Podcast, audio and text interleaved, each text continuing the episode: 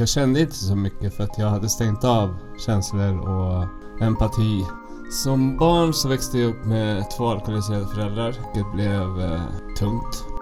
Men nu vet jag att det är ADHD som har satt käppar i hjulet. Idag ska vi prata om hur det är att som barn växa upp i en familj med missbruk. Om avsaknad av trygghet och hur det här kan leda till mörker av eget missbruk och ett liv av våld och kriminalitet. Vi ska även prata om hur det är att leva med ADHD utan att veta om det och om förändringen som kan ske när en person får rätt stöd. Jag heter Rebecka Hagman och är kommunikatör på Skyddsvärnet, vars podd du nu lyssnar på. Glöm inte att följa podden på till exempel Spotify eller Podcaster-appen. Där kan du lämna en recension så vi vet vad du tycker. Dela gärna med dig av avsnitt som du gillar till dina vänner så att fler hittar hit. Men nu till veckans gäst som är Staffan.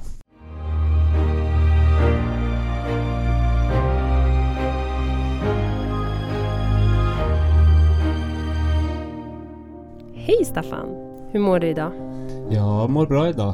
Hur mår du? Härligt. Jo, jag mår bra tack.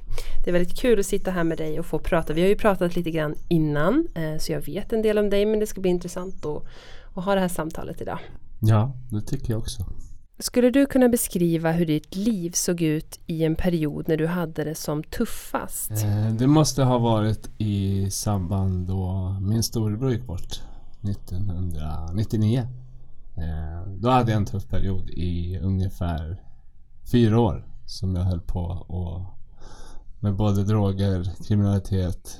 Eh, ja. Så levde jag. Hur mådde du då? Jag kände inte så mycket för att jag hade stängt av känslor och empati och för att det vart för mycket. Din bror, var det någon som stod dig nära? Ja, det var det. Det var min trygghet när jag växte upp. Mm. Så det var en stor chock när han försvann?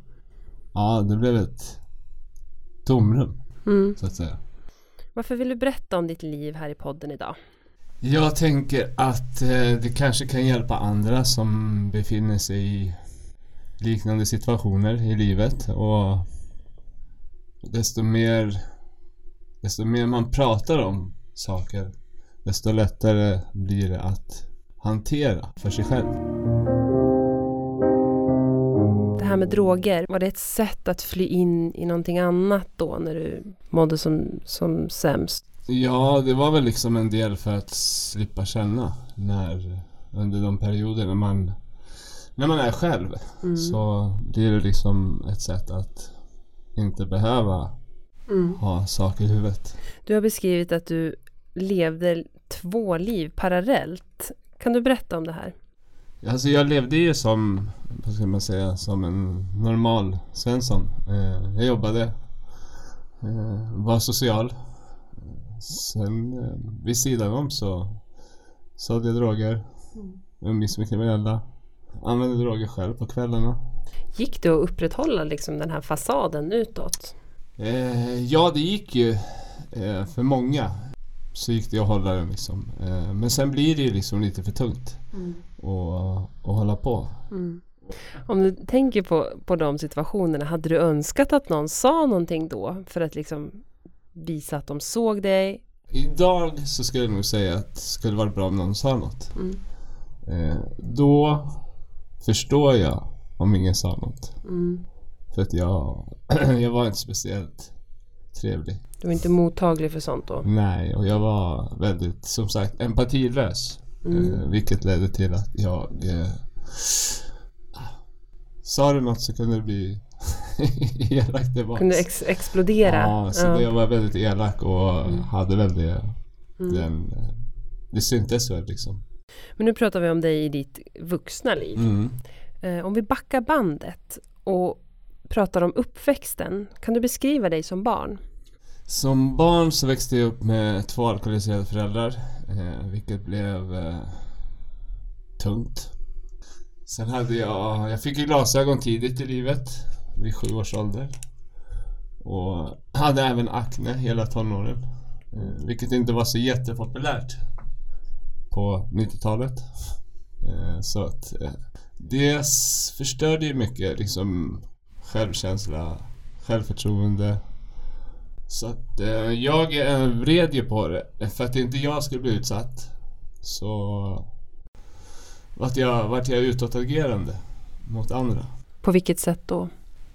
Nej, jag vart väl, vad ska man säga, jag var väl den här som var elak och dum och hotfull mot folk.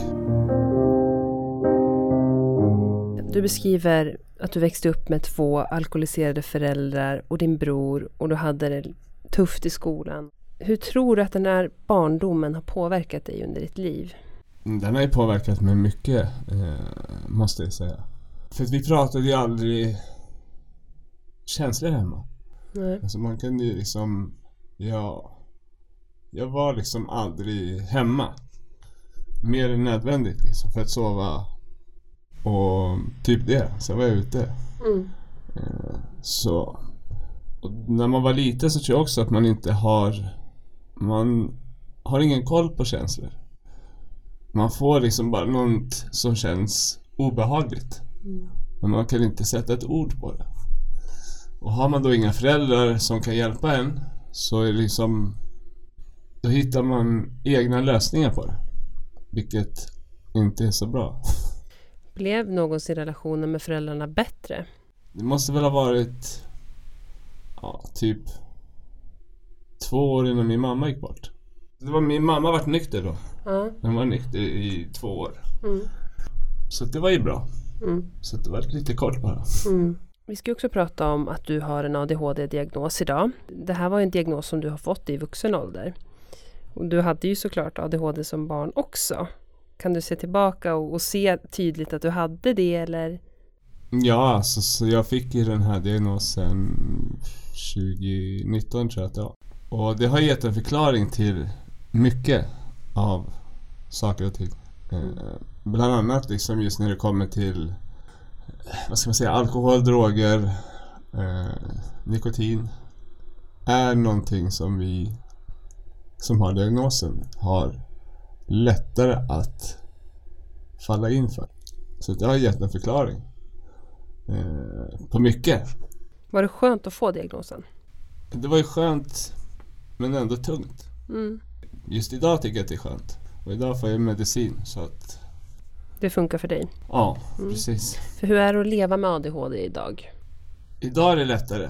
Eh, just för att jag har Jag har läst så pass mycket om det och jag förstår Har en förståelse och jag eh, lever liksom inte i en förnekelse. Eller har ingen skam över att ha det. Så på så vis så tror jag att det blir lättare att kunna leva med det. Om du hade fått diagnosen och liksom stöd redan som barn eller tidigare i livet, tror du att ditt liv hade blivit lättare då?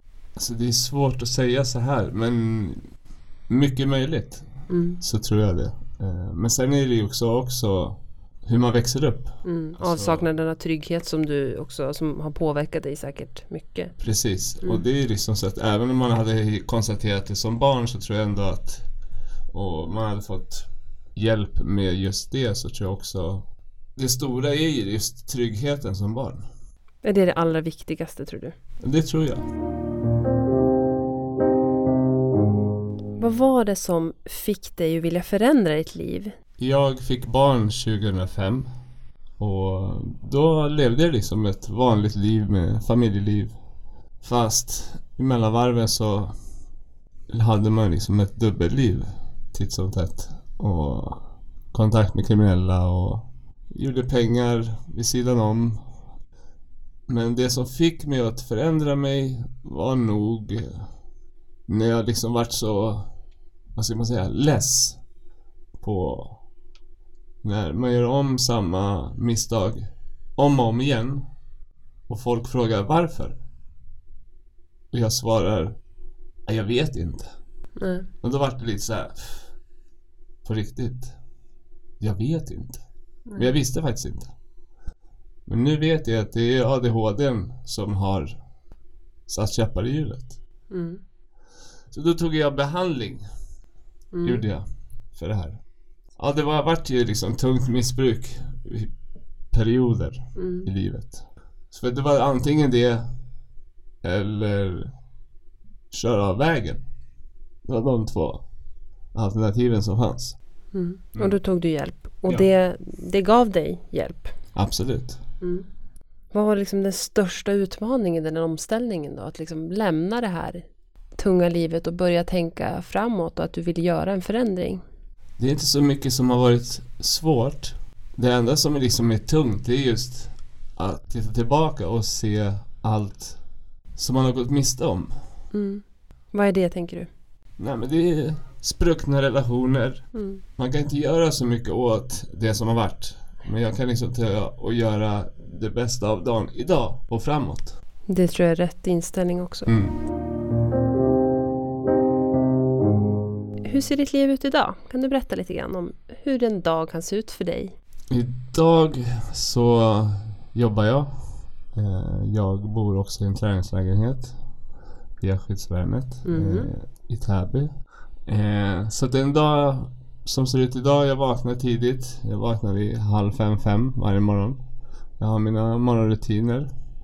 Jag åker till jobbet och kan idag jobba och fokusera på det jag ska göra. Och inte ha massa tankar i huvudet som, som förstör fokuset.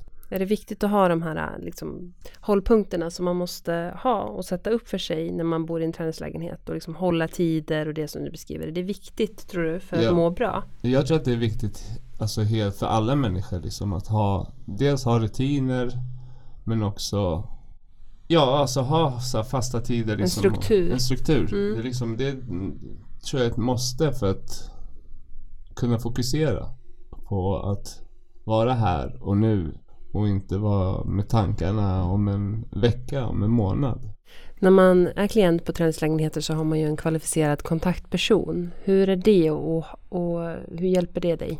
Just nu har jag jobbat så mycket men när vi väl ses så kan det vara skönt liksom att bara ta upp saker som har varit jobbiga eller som har skett. Bara liksom prata rent allmänt. Hur gör du idag om du mår dåligt över någonting? Har du något, någon, liksom, något knep då för att ta dig ur det? Jag fortsätter nu idag med KBT Mm. och då finns det någonting som är förkortat SOT. Och det är stopp, observera och tänk. Kan du berätta om det? Ja, om det kommer upp en tanke som jag känner är på fel väg så stoppar jag mig själv och så observerar jag tanken eller händelsen och så tänker jag igenom, okej, vad ger det här mig? Är det på riktigt Ja, eller är det är det på riktigt? Är det här någonting att lägga energi på? Just det. Nej, nej men det är det inte. Ja, vad bra. Då kastar man ut den ur huvudet. Och sen så kan man fokusera på det man kan göra och förändra. Det är liksom just med sig själv. Sen kommer det alltid ske saker runt omkring en som du inte kan påverka. Och som man måste lära sig att acceptera. Tycker du att det fungerar för dig det här verktyget på riktigt? Ja, det gör det. Mm. Eh, och sen samtidigt så är medicinen hjälper till också. För att inte ha alla tankar och det i huvudet. Gör det att du liksom får kontroll på känslorna lite grann? Ja. ja, känslorna kan jag kontrollera idag och idag kan jag också när jag känner något eller upplever något så kan jag liksom eventuellt ta det med den personen eventuellt som har sagt något eller gjort något Mm.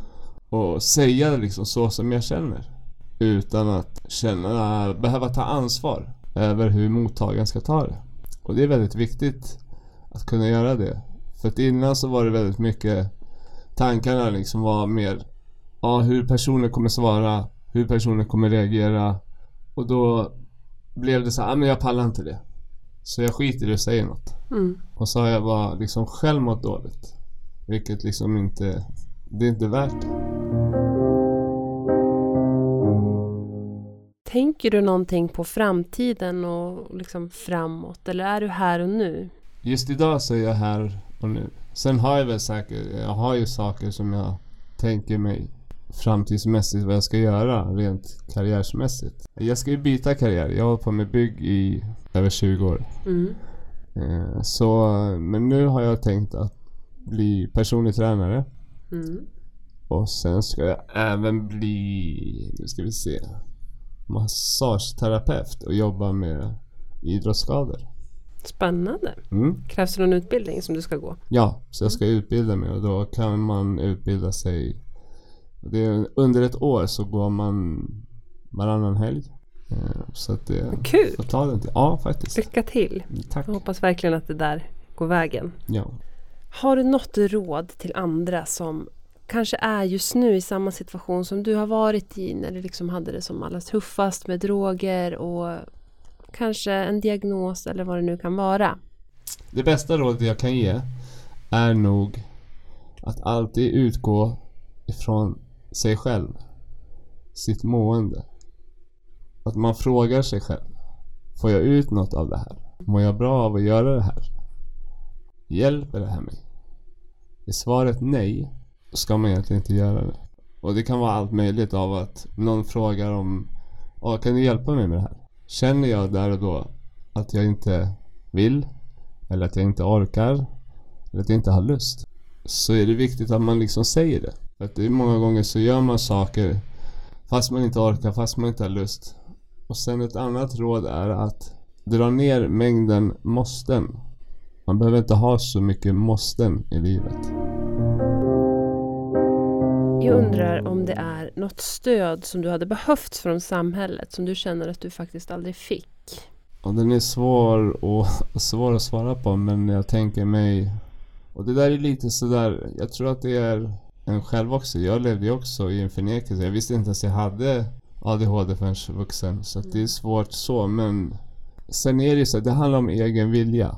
Har man inte viljan så spelar det egentligen ingen roll hur mycket stöd du får. Nej, du tog inte hjälpen själv eller du sökte Nej. ju inte den aktivt. Nej. Nej. Så du vet inte heller vilket stöd du kunde ha fått. Nej. Nej. Om man känner att man har någonting eller att man kanske liksom tänker att jag kanske har ADHD så tycker jag att det är viktigt att man går och gör och får liksom en eh, undersökning, En utredning. en utredning. Mm. Eh, för att det hjälper en Mm. liksom att få mer ett, ska man kalla det, normaliserat liv. Hur, tror du att, hur brukar det te sig? Kan det se väldigt olika ut det där? Eller har många ofta samma typer av frustrationer eller känslor?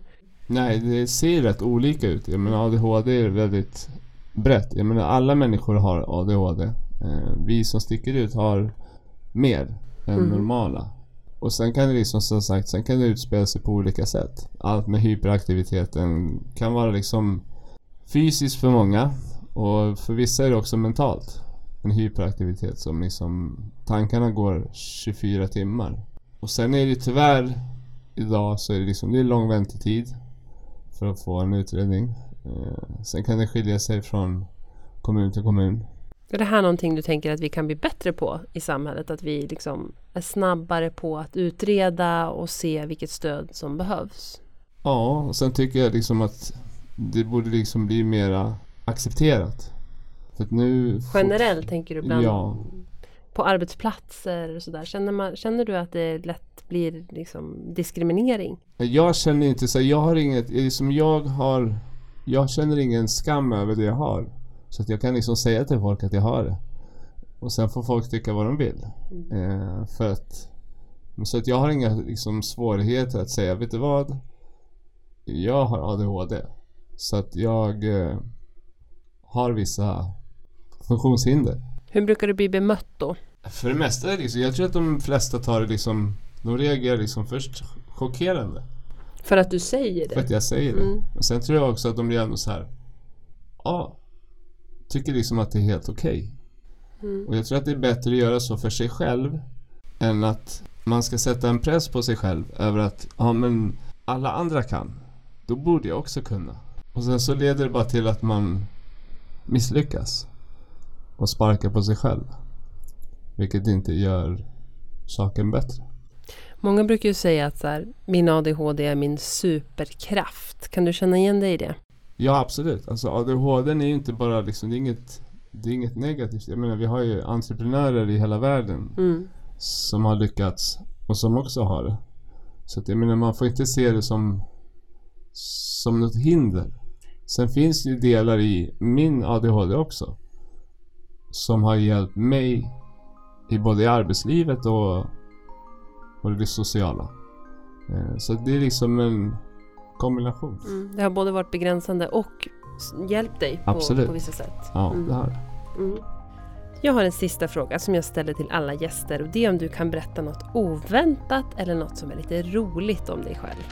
Ja, något oväntat. Jag vet inte. Jag har upptäckt att jag har en, en viss tendens i badrummet.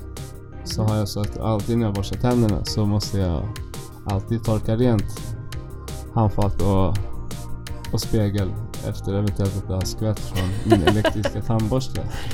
Det var inte ju en bra grej. ja, det är en bra grej men jag har gjort det liksom på automatik. Så Ja. det är liksom en sån här Fast du inte har skvätt så måste du Ja, det. så måste jag liksom torka av och liksom, jag vill inte ha fläckar på kranen och sådana här saker. Och Mm. Har det med ADHD att göra? jag tror det. Ja. Sen har jag det. Så, så det är mycket så här pedantiska drag som är inte riktigt så pedantisk på supernivå. Men jag vill ha ordning och reda och vill helst liksom inte ha tumavtryck på blandaren och sådana saker.